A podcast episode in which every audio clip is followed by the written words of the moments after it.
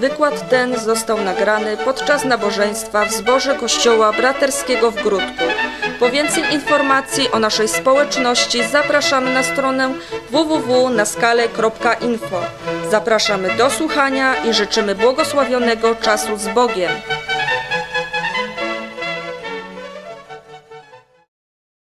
Wiecie, w tym świecie,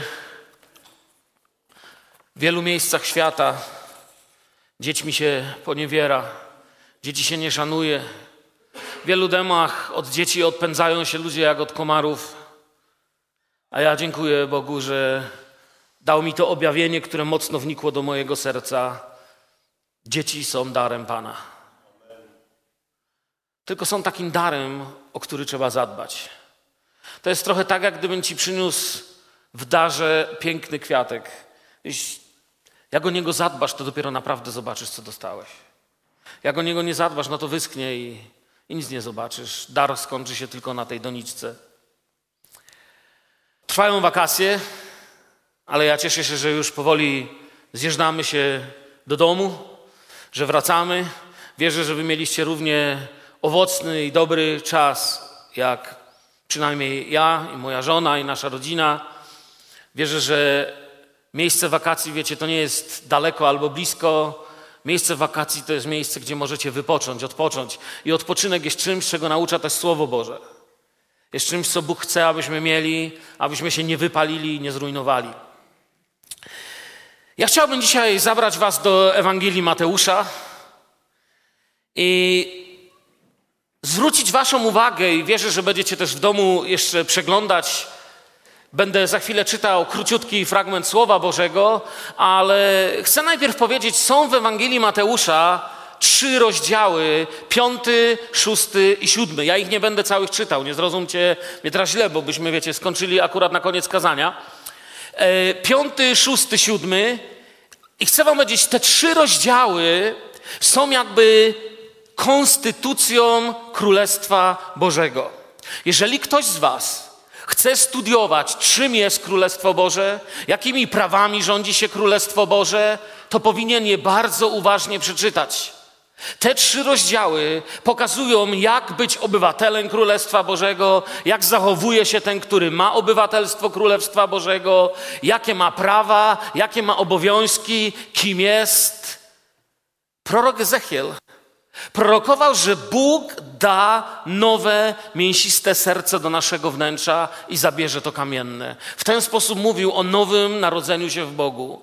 I właśnie to nowe, mięsiste serce, to Boże serce jest tutaj przez te trzy rozdziały, to jest takie EKG, taki jego przegląd. Pokaż tego, czym jest Królestwo Boże, kim jest i jakimi prawami rządzi się Boży człowiek. Piąty, szósty, siódmy rozdział Ewangelii Mateusza, to jak mówię, jest taka konstytucja Gdyby ktoś z Was chciał i naprawdę miał pragnienie rozumieć lepiej Królestwo Boże, niech spędzi ten tydzień czytając codziennie tylko te trzy rozdziały i niech się zastanawia. Tam macie napisane wszystko, kim mamy być, jak na nas patrzy Bóg, jak chciałby, byśmy postępowali, jakimi zasadami się rządzi. Bóg pokazuje tutaj, na czym opiera się Jego działanie, na czym opiera się Boże błogosławieństwo, na czym opiera się Boży sąd.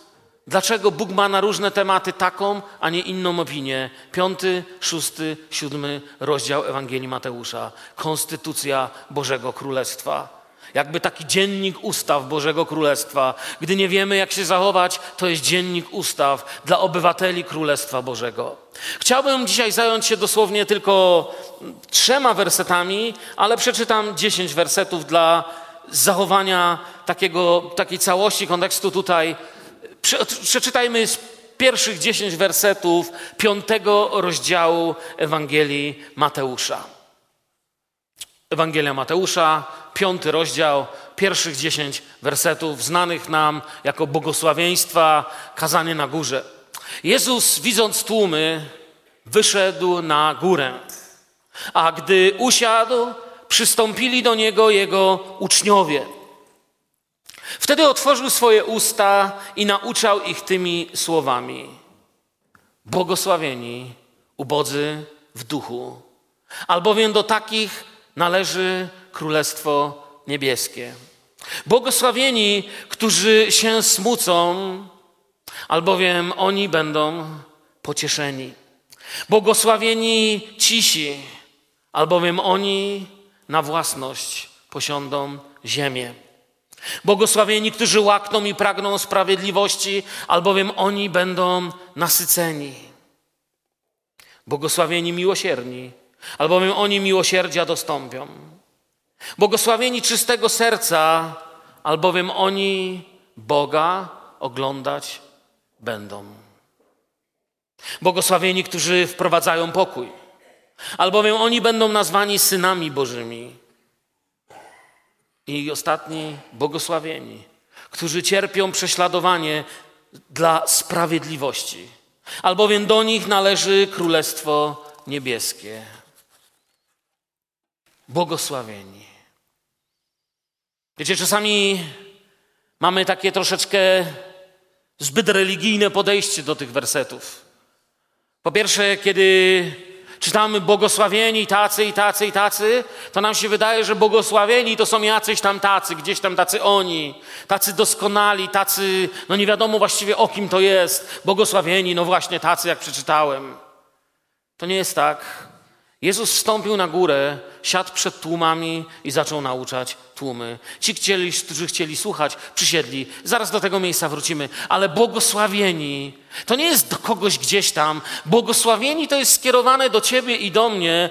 Bóg mówi, to jest jeszcze raz powtarzam, te trzy rozdziały są jakby konstytucją Bożego Królestwa. Jeśli chcesz wiedzieć, jak działa, te trzy rozdziały to jest taki Boży kodeks nie prawa, a miłości może. Pokazuje, jak działa Królestwo Boże. Błogosławieni, wiecie co znaczy to słowo? Znaczy szczęśliwi. Błogosławiony to nie jest ktoś, kto idzie ze złożonymi rękoma i ma oczy do góry. Błogosławiony to nie jest ktoś, kto ma gdzieś zapisany. Błogosławiony to nie jest jakaś magiczna formuła. Czasami my wierzący używamy w taki troszkę magiczny sposób. Błogosławię cię, Mateusz. To znaczy, co robię? No to co ja ci zrobiłem tak naprawdę? Życzę ci szczęścia. Życzę ci, aby Pan cię chronił, aby Pan cię prowadził. To nie jest jakaś magiczna formuła. Błogosławiony znaczy szczęśliwy. I zobaczcie teraz na to, co przeczytaliśmy. Jezus mówi, że ci, których świat uznał za nieszczęśliwych, są szczęśliwi. To, co Jezus tutaj wymienia, to dla świata to jest jakaś tragedia.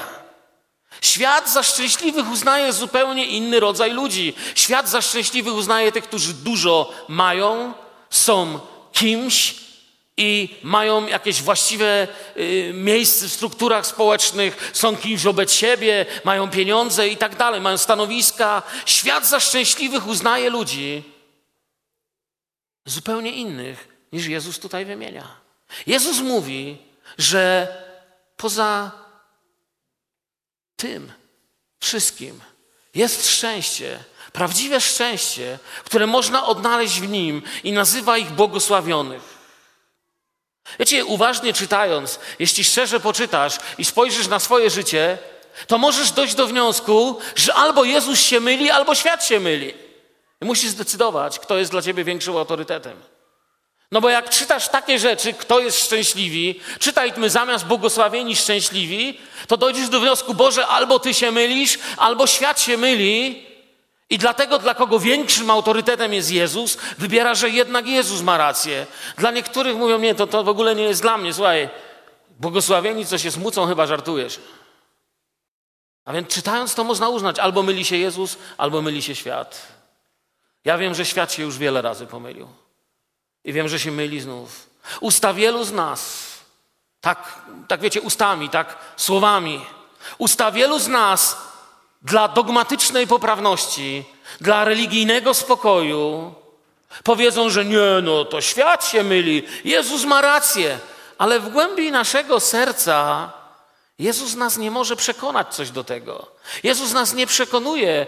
Mówimy, że tak dla własnego bezpieczeństwa, że mm, to jest coś, czego ja troszkę nie rozumiem. To jest coś, co ja nie do końca rozumiem. Właściwie o co jemu tutaj chodzi? Jak można być szczęśliwym? Panie nie rozumie, a często już troszeczkę rozumiemy, ale wiemy, że trzeba by było z siebie rezygnować. No bo ci błogosławieni tutaj wybrali niekorzyść, Wybrali coś, co nie jest korzyścią dla tego świata. W tym świecie się nie ustępuje nigdzie. Ja często na przykład jeżdżę tutaj tą naszą drogą. Ja już prawie na pamięć znam samochody, które jak jadę, to bardzo często mi zjeżdżają. Gdzie tu są tacy ludzie w grudku, którzy zaraz zjeżdżają. Po prostu ja, ja się aż nie mogę nadziwić. Myślę sobie, kiedy mi się uda im ustąpić, oni zawsze ustąpią. A są tacy, którzy nigdy ci nie zjadą. Lepiej dla ciebie, żebyś zjechał, bo nie zahamują. Wiecie o co chodzi? W tym świecie są różni ludzie. Ustąpią albo nie ustąpią. Tak jest na drodze, w życiu, w szkole. Jezus mówi tu o ludziach, którzy wybrali jakby na, na niekorzyść dla siebie, stali się tutaj tak jak Jezus, stali się inni niż świat. To, co się z nimi stało, jeśli szczęściem dla nich jest to, co tutaj pisze, to znaczy, że ich życie upodabnia się do Jezusa. Jeśli sobie to wszystko przeczytasz i chociaż troszkę z tym się zgadzasz, to chociaż troszkę jesteś podobny do Jezusa. Jeśli to będziesz naśladował, upodobnisz się do Jezusa. Oni wybrali to, co wybrał w swoim życiu Jezus. I zaraz do tego wrócę, bo nie wiem, czy usłyszeliście to, co teraz powiedziałem. Powiedziałem coś, co wam może otworzyć te wersety. Błogosławieństwo, wiecie, jest przeciwnością przekleństwa. Przekleństwo to nieszczęście, błogosławieństwo to szczęście. I lista, którą tu daje Jezus, w wielkiej większości to lista tego, co ten świat uważa za przekleństwo. Ale świat jest tak bardzo odwrotny do Boga, że Bóg uznał to za błogosławieństwo. Każde błogosławieni, czytajmy szczęśliwi, to opinia Pana Boga na jakiś temat. To nie jest moja opinia, Twoja opinia. To nie są nasze opinie niezgodne ze Słowem Bożym, ale to są zgodne z Pismem Świętym Boże opinie na temat naszej postawy w życiu. I dzisiaj chciałbym krótko, bardzo ogólnie tylko dotknąć kazania na górze, wejść w nie, jeśli Bóg da dożyć do następnej niedzieli, jeszcze głębiej w nie wejdziemy. Jezus tutaj mówi nam, czym jest szczęście, albo błogosławieństwo, jak wolicie. Jeszcze raz mówię, błogosławieństwo równa się szczęście. To jest to samo znaczenie tego samego słowa. Jezus mówi, czym jest szczęście. Dziewięć razy mówi, jacy ludzie są szczęśliwi. Często wiecie, jak nazywa się ten fragment? Często teolodzy mówią na ten fragment 8 plus 1. Osiem razy błogosławieni i w wszystkich tych ośmiu wypadkach Jezus jakby jest utożsamiony również z człowiekiem, ale ten dziewiąty przypadek mówi o tych, którzy dla Jezusa stoją, o Jego uczniach, chociaż wszystkie są dla Jego uczniów ale ten ostatni szczególnie dotyczy tych, którzy wybiorą w swoim życiu Jezusa. Pierwszych osiem jest też szczególnym objawieniem. Nie wiem, ile razy w życiu to czytaliście. Kto z Was czytał to błogosławieństwa już chociaż raz w życiu? Jest parę osób. To jest, wiecie, nie tylko taka instrukcja, którzy są błogosławieni, ale tutaj Pan Jezus zawarł bardzo duże objawienie dla nas. Pokazuje tutaj charakter Pana Jezusa. To jest pierwsza rzecz. Często, kiedy mówię Wam o owocach Ducha Świętego, to bardzo często wspominałem, że owoce Ducha Świętego to jest charakter Pana Jezusa. Przeczytajcie, jakie są owoce Ducha Świętego, macie charakter Syna Bożego. To jest drugie miejsce, gdzie widzimy charakter Syna Bożego. Tych osiem błogosławieństw to jest charakter Pana Jezusa. Jezus nie tylko tak mówił, ale też tak żył, czynił. Dokładnie pokazuje charakter Pana i powód, nie tylko jacy mamy być. Jezus nie mówi tylko błogosławieni ubodzy w duchu. A czemu? No bo tak. Nie. On mówi, jacy są błogosławieni i mówi, dlaczego są błogosławieni. Wiecie, jest niewiele takich miejsc w Biblii, gdzie dotrzymujemy jakiś nakaz, a potem takie dokładne wyjaśnienie dlaczego. Bóg bardzo często, na przykład jak dał przykazania, Bóg mówi nie cudzołóż. I nie ma tam, wiecie, przy dekalogu całego opisu na 12 stron, dlaczego nie cudzołóż, bo co. A w tym wypadku tutaj jest właśnie ten, ten, to, to powiedziane dlaczego. Błogosławieni, bo, bo coś się stanie, bo coś się dzieje. Szczęśliwi, bo chociaż wyglądają na nieszczęśliwych, to szczęście się im dzieje. A więc po pierwsze, te błogosławieństwa pokazują charakter Pana i powód, dlaczego chce, by taki był charakter Jego ucznia. Ostatnie, mówiłem, że to często nazywa się 8 plus 1 błogosławieństwo. Ostatnie pokazuje, jaką zapłatę dostaniemy za to tutaj na ziemi. Prześladowanie, niezrozum niezrozumienie. Ale chcę Wam jeszcze coś powiedzieć. Te błogosławieństwa również są dwoma rzeczami, których często tutaj nie dostrzegamy. Po pierwsze, całe te dziewięć błogosławieństw jest również biografią Pana Jezusa, napisaną w skrócie. To jest cała Jego biografia, od urodzenia do uwielbienia. Jak również są skrótową, objawioną nam przez Ducha Świętego historią Kościoła, od Jego początku aż do Jego pochwycenia. Jeśli teraz popatrzymy na to, jako na objawienie biografii Pana Jezusa, to jest cały życiorys Jezusa tutaj. Zobaczcie, w jaki sposób to widzimy. Błogosławieni ubodzy w duchu. A więc zaczyna się od ubogiego w duchu. Jezus, kiedy przyszedł służyć na ten świat, narodził się jaki? Bogaty w pałacu? Narodził się ubogi. I pamiętajcie, za chwilę wyjaśnię Wam znaczenie słowa ubogi. Ubogi to jest coś dużo więcej, przyjaciele, bracia, siostry, niż tylko yy, po prostu nie mieć pieniędzy w portfelu. Tu to ubogi ma bardzo głębokie znaczenie. Ale teraz idę przez te, yy, przez te błogosławieństwa, pokazując Wam, to jest biografia Pana Jezusa. To jest jego cały życiorys. Możecie tu zobaczyć. Błogosławieni ubodzy w duchu, ubogi w duchu, poddany we wszystkim w zaopatrzeniu Ojca. Ubogi, bo nie mam swego, mam tylko to, co Jego. Takim się urodził i w takim Bóg ma upodobanie, takich jest Królestwo Niebios. A Jezus mówił, moje Królestwo nie jest z tego świata, dlatego że był ubogi w duchu. Błogosławieni, którzy się smucą. Jego życie, kiedy rozpoczął służbę, miało bardzo niewiele radości. Ludzie go zasmucali. Jedni mówili, że jest opętani, inni mu ubliżali. Często rozpaczał, smucił się, płakał, ponieważ ludzie odrzucali miłość Bożą, z którą przyszedł. Błogosławieni cisi na te wszystkie plotki, oszczerstwa. Jezus zachował pełną ciszę. Błogosławieni, którzy się smucą, albowiem oni będą pocieszeni. Jezus się smucił i doznał wielkiego pocieszenia. Błogosławieni cisi, albowiem oni posiądą ziemię. On od początku był cichy. Jezus nie brał udziału w pyskówkach, takim, wiecie, słownych walkach. Jezus, jak coś powiedział, to albo człowiek był uzdrawiany, albo człowieka podnosił, albo tak zatkało religijnych ludzi, że nie wiedzieli, co powiedzieć. Jezus nie brał udziału w debatach, w kłótniach. Jezus był cichy i jego Ewangelia przyszedł sam, urodził się w Betlejem. Zebrał dwunastu uczniów, ale z powodu cichości Ewangelii, z powodu pokory, ładunku tej pokory, która jest Ewangelii, ona zdobywa ziemię.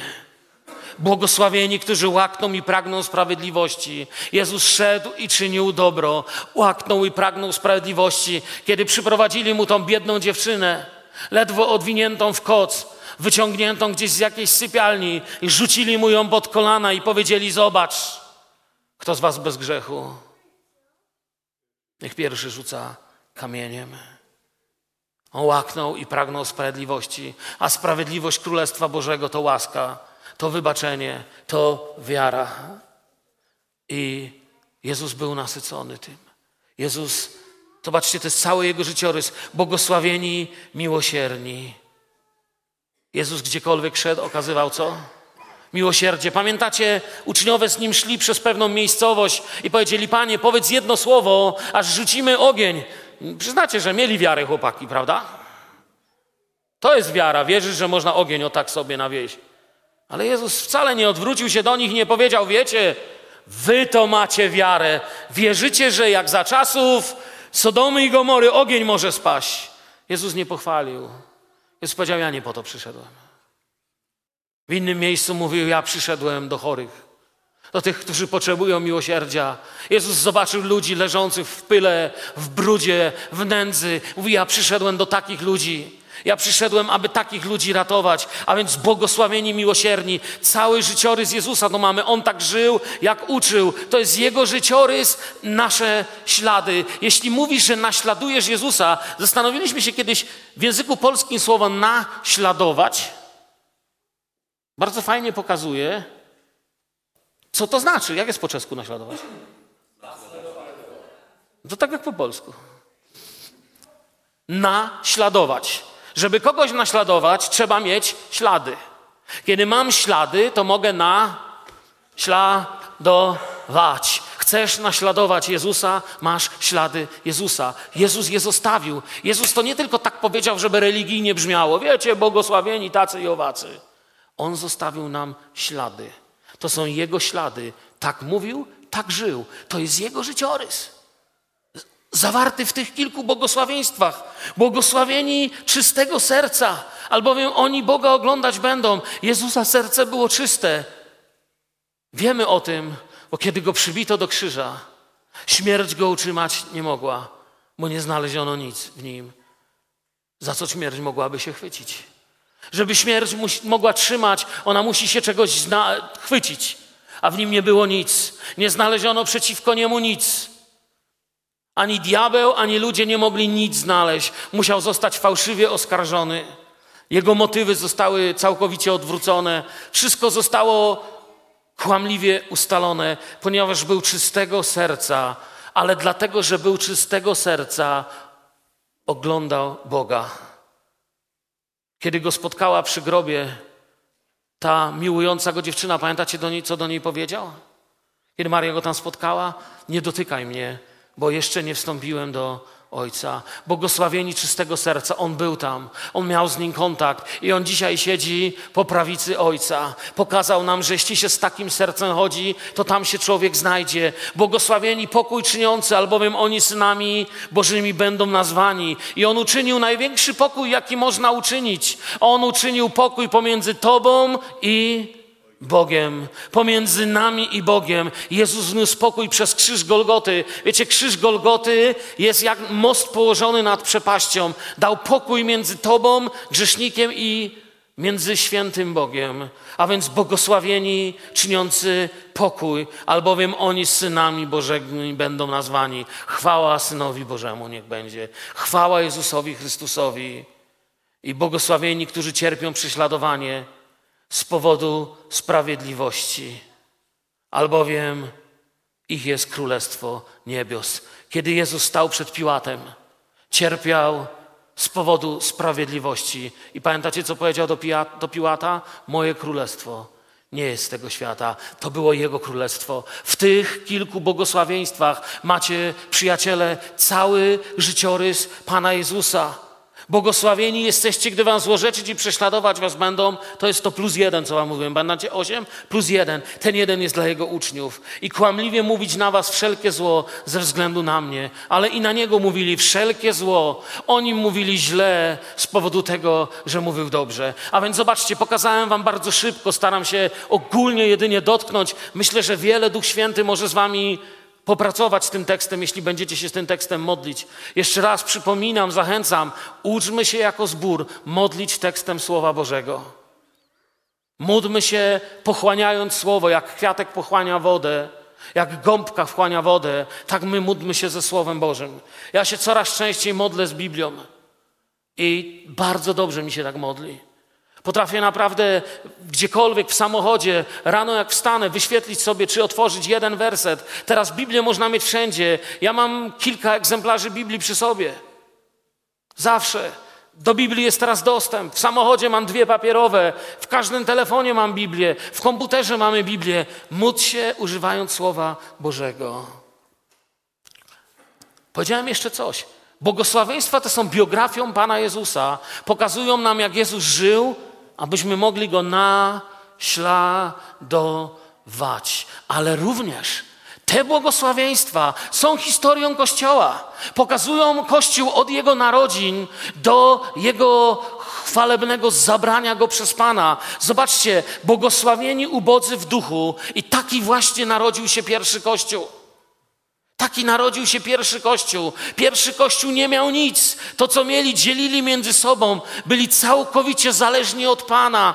I kiedy trwali razem w modlitwie, Bóg ich ubogacił. Jako ubodzy w duchu otrzymali Boże bogactwo, otrzymali Ducha Świętego. Błogosławieni ubodzy w duchu, albowiem ich jest Królestwo Niebios. I Jezus mówi, że Królestwo Niebios jest tu. Królestwo Niebios stąpiło tam do nich. Królestwo niebios poszło z nimi. Niedawno opowiadałem wam życiorys dwunastu apostołów, pamiętacie?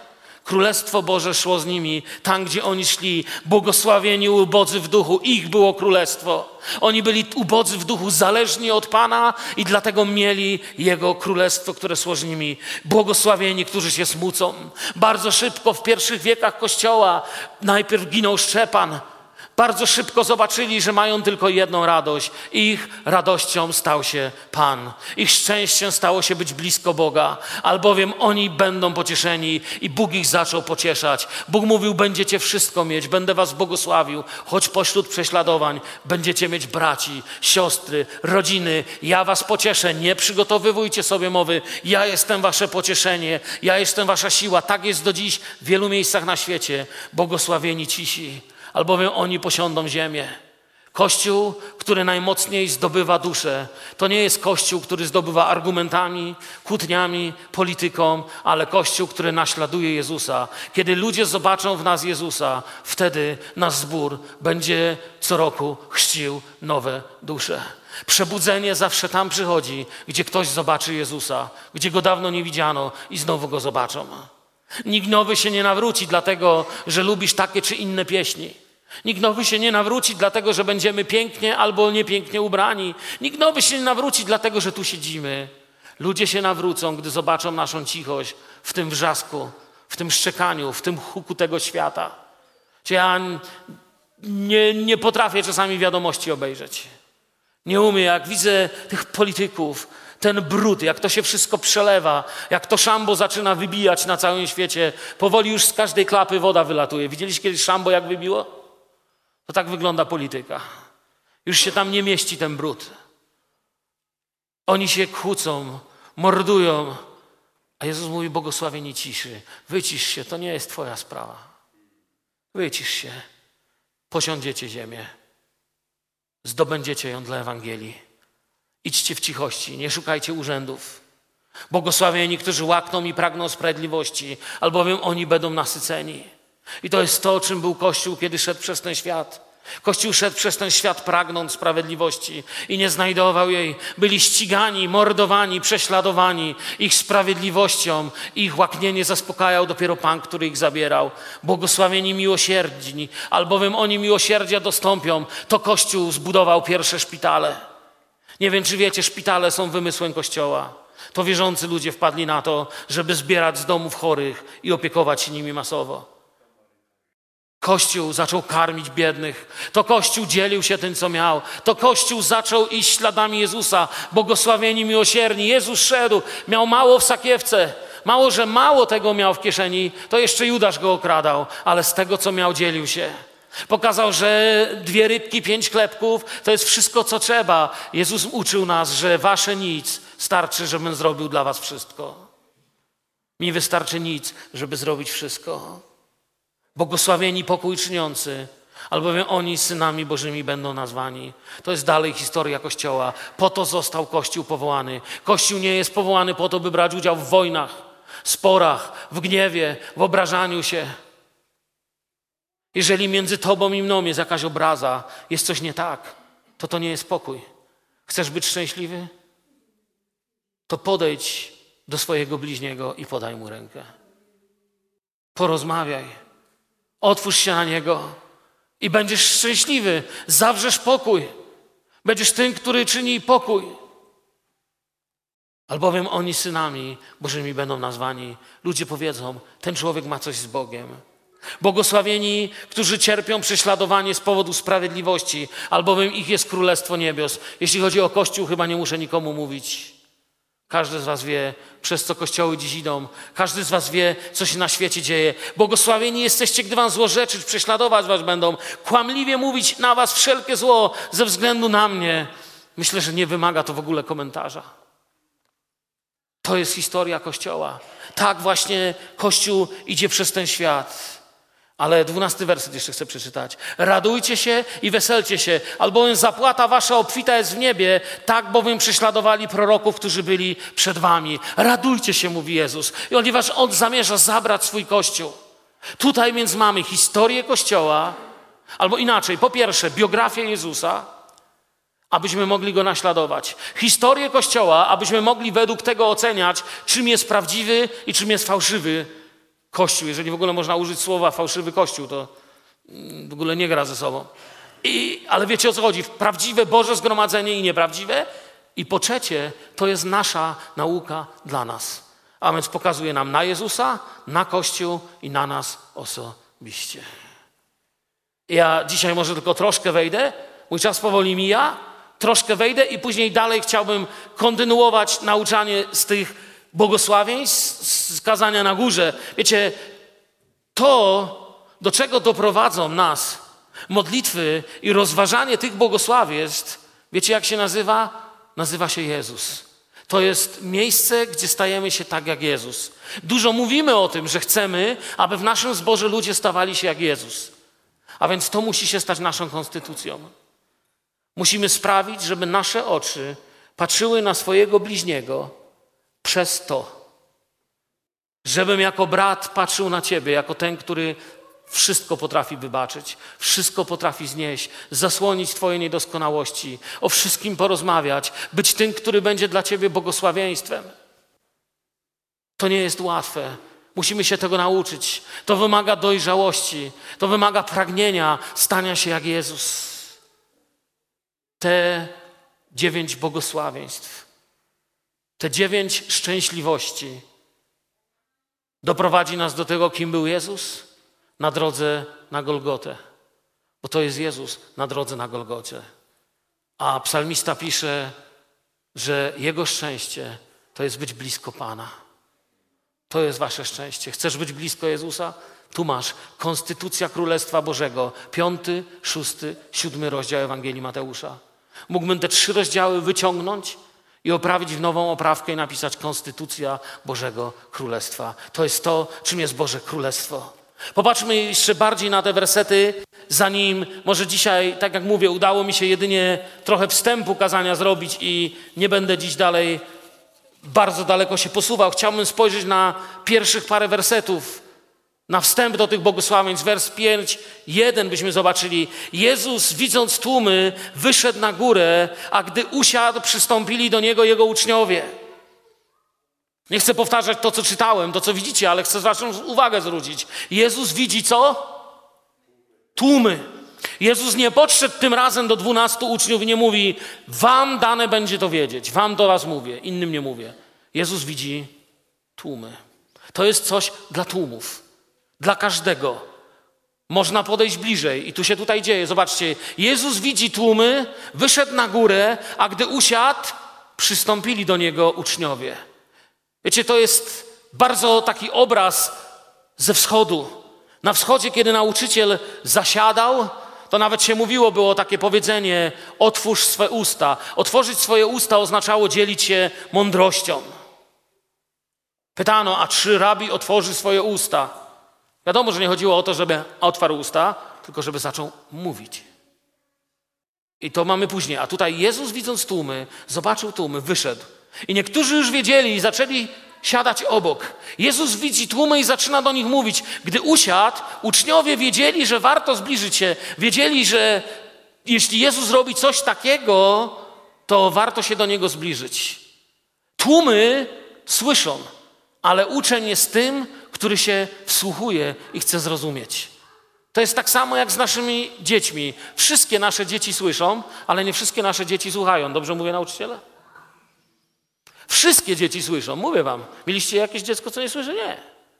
Raczej nie. Inna rzecz, że często te, co są, nie słyszą, są bardziej posłuszne. Dzieci słyszą, ale nie słuchają. My słyszymy, ale nie słuchamy. Gdy tłumy słyszą, tylko niektórzy podchodzą i zasiadają.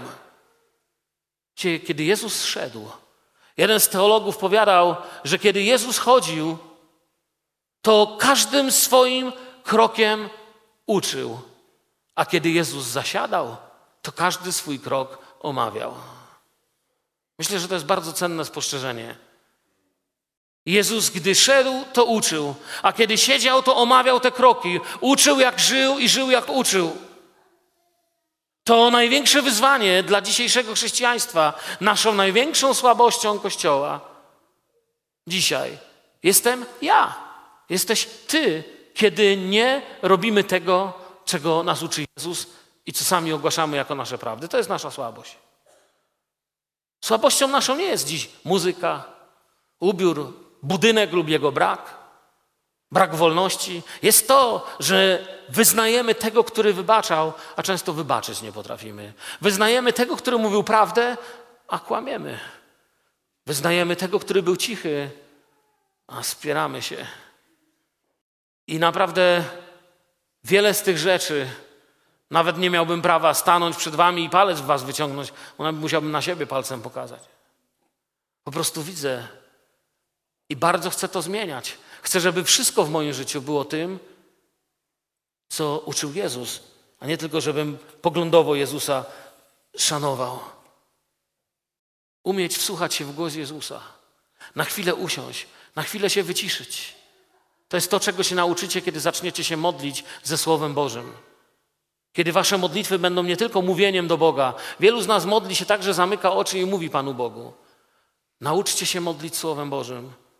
Usiądźcie, zamknijcie oczy i codziennie jeden werset włóżcie w waszą pamięć, w wasze myśli. Niech się po was rozejdzie, niech w was wejdzie. Zrozumcie każde jego słowo. Wyssajcie, wiecie, jak sokowirówka. Wiecie, co to jest sokowirówka? Jak włożysz marchewkę, pomarańcze i różne owoce, to wyleje się sok, a po drugiej stronie takie suche wypadnie. Dokładnie słowo, że mamy przetworzyć. Żeby wszystko z niego wziąć dla siebie. Ten, ten ekstrakt. Nie siedzieć i coś celebrować. Nie robić to, co zawsze, ale posłuchać, co Pan chce. Wtedy otworzył swoje usta i nauczał ich tymi słowami, drugi wers mówi. Jezus zaczął mówić, zaczął nauczać. Dlaczego chciałem zwrócić Wam uwagę na to? Bo tu jest coś bardzo ważnego dla Was.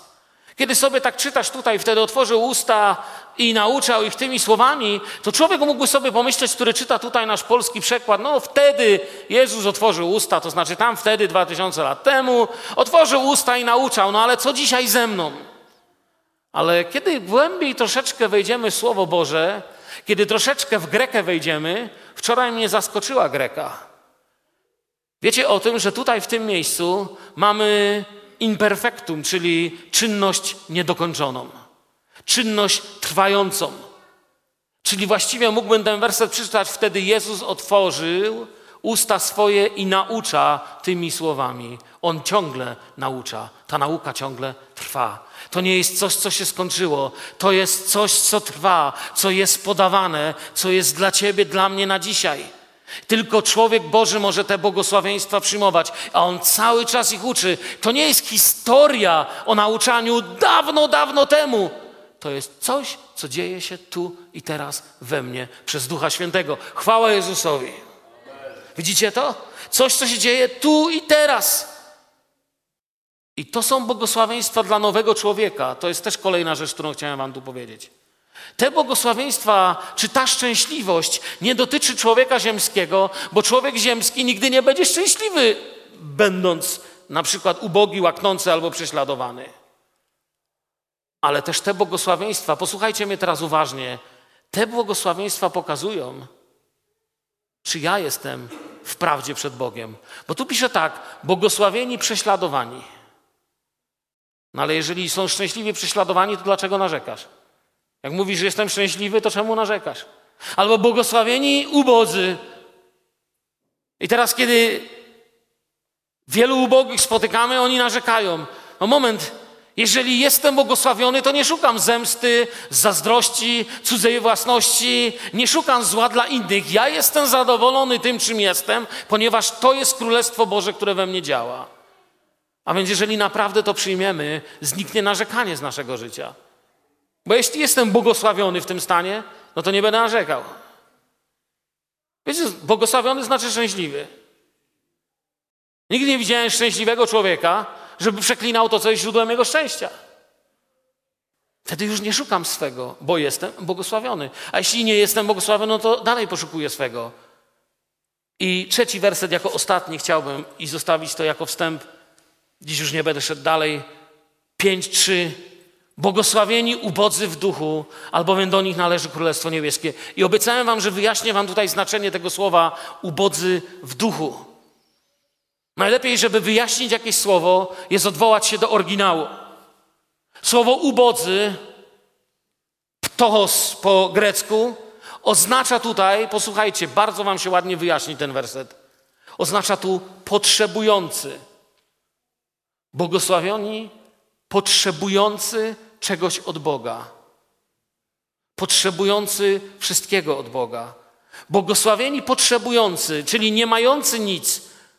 Nic w takim sensie tutaj Greka mówi, ten, ten, ten, ten to jest ktoś tak nie mający nic, że ani nie wygląda dobrze, ani nic nie ma. Wiecie o czym mówię? Zupełnie nic. Czyli ani od niego nic nie można wziąć, bo nic nie ma, ani nie jest piękny. To coś jak ja czasami. Nie ma nic. Ale na szczęście Pan Bóg daje. I to też mogę powiedzieć o sobie. Bóg mnie błogosławi. A Bóg Ciebie błogosławi? Chwała Jezusowi. Mamy dobrego Boga. I to jest to ubogi. Słowo ubodzy, ptochos, oznacza potrzebujący. To jest ten rodzaj ubogiego. O, jeszcze inaczej wam przetłumaczę to słowo. To jest żyjący z łaski. O, teraz lepiej macie. Potrzebujący, żyjący codziennie z łaski. Czyli kiedy wstaje świt, żyjesz z łaski, że to, co masz, to, co będziesz miał i to, czym jesteś, jest darem Bożym. Chwała Jezusowi. Widzicie to? To jest darem Bożym, to kim jesteś, to co masz, twój samochód, twój dom, twoje zdrowie, dzieci, czy co tam jeszcze, w jakiej kolejności byś tego nie wymienił. Yy, to, co posiadasz, to jest z łaski dane, ubogi w duchu. Ciekawe jeszcze znalazłem inne tłumaczenie ubogi w duchu. To słowo również było używane w dokumentach, które znaleziono w Qumran nie nowotestamentowych, ale hebrajskich dokumentach, które znaleziono w Qumran w 1948 roku. I tam to słowo ubodzy z języka hebrajskiego anawim ruach jest tłumaczone po hebrajsku. Wiecie, co to znaczy? Znaczy pochylony w duchu. Czyli tłumacząc teraz ten werset z hebrajskiego, powiedziałbym szczęśliwi, pochyleni w duchu. Czyli niepyszni duchowo pochyleni w duchu. Szczęśliwi ci, którzy są pochyleni w duchu. A wiecie, co znaczy być pochylonym według tamtej kultury? To znaczy być sługą. To znaczy oczekiwać, aż Pan położy rękę. To znaczy oczekiwać, aż Pan da dar. I to są ubodzy w duchu, którzy to, co mają i to, co będą mieć, traktują jako dar od Boga, jako dar łaski. Takiemu człowiekowi Bóg może dać bochenek chleba i on będzie dziękował za jego zapach. Takiemu człowiekowi Bóg może dać najnowszy model Mercedesa i on nikogo nie będzie tym autem poniżał. Takiemu człowiekowi Bóg może dać władzę. Takiemu człowiekowi Bóg może zabrać władzę. Ten człowiek jest pochylony w duchu. On nie będzie złorzeczył, a gdy dostanie coś większego, nie będzie tym poniżał. Jemu można dać, bo on tego nie użyje dla zła, użyje dla dobra, bo on jest anawim ruach, pochylony w duchu. Takie ubóstwo przyjmuje każdy dar, nie ma nic swojego. Tak właśnie żył Jezus przed Ojcem. Jesteśmy w kościele i tym chce Bóg nas obdarować. By być obdarowanym, trzeba być ubogim, bo celem jest Królestwo Boże. To jedno z dwóch tylko błogosławieństw w czasie teraźniejszym. Inne są w czasie przyszłym.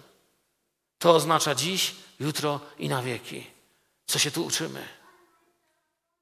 Myślę, że w tym miejscu skończę. Wiecie, ja tu jeszcze mam trochę tego, ale z tym Was zostawię i chciałbym, byśmy się mogli modlić, byście zapamiętali to, co z tego najważniejsze, abyśmy zapamiętali, byśmy chodzili pochyleni w duchu, abyś pamiętał, że to, co posiadasz, masz dziś siły, zdrowie, koszulę na grzbiecie. Nie widzę, aby ktokolwiek goły tutaj siedział. Jak patrzę na samochody przed naszym zborem, mógłbym niezły komis otworzyć. Patrzmy na nasze domy. Kiedy patrzę na siebie do lustra, wiem, że nie jestem biedny. Dobrze nam jest. Bóg nas zaopatruje. Wiecie, Błogosławieni chodzący pochyleni w duchu, błogosławieni potrzebujący od Pana. Stańcie z tym przed Panem. Niech nic w nas nie będzie, że ja sam sobie załatwię, ja sam sobie zrobię. Bóg mówi, wtedy nie jesteś błogosławiony według norm mojego królestwa, skoro ja nie jestem Tobie do niczego potrzebny. Powstańmy do modlitwy.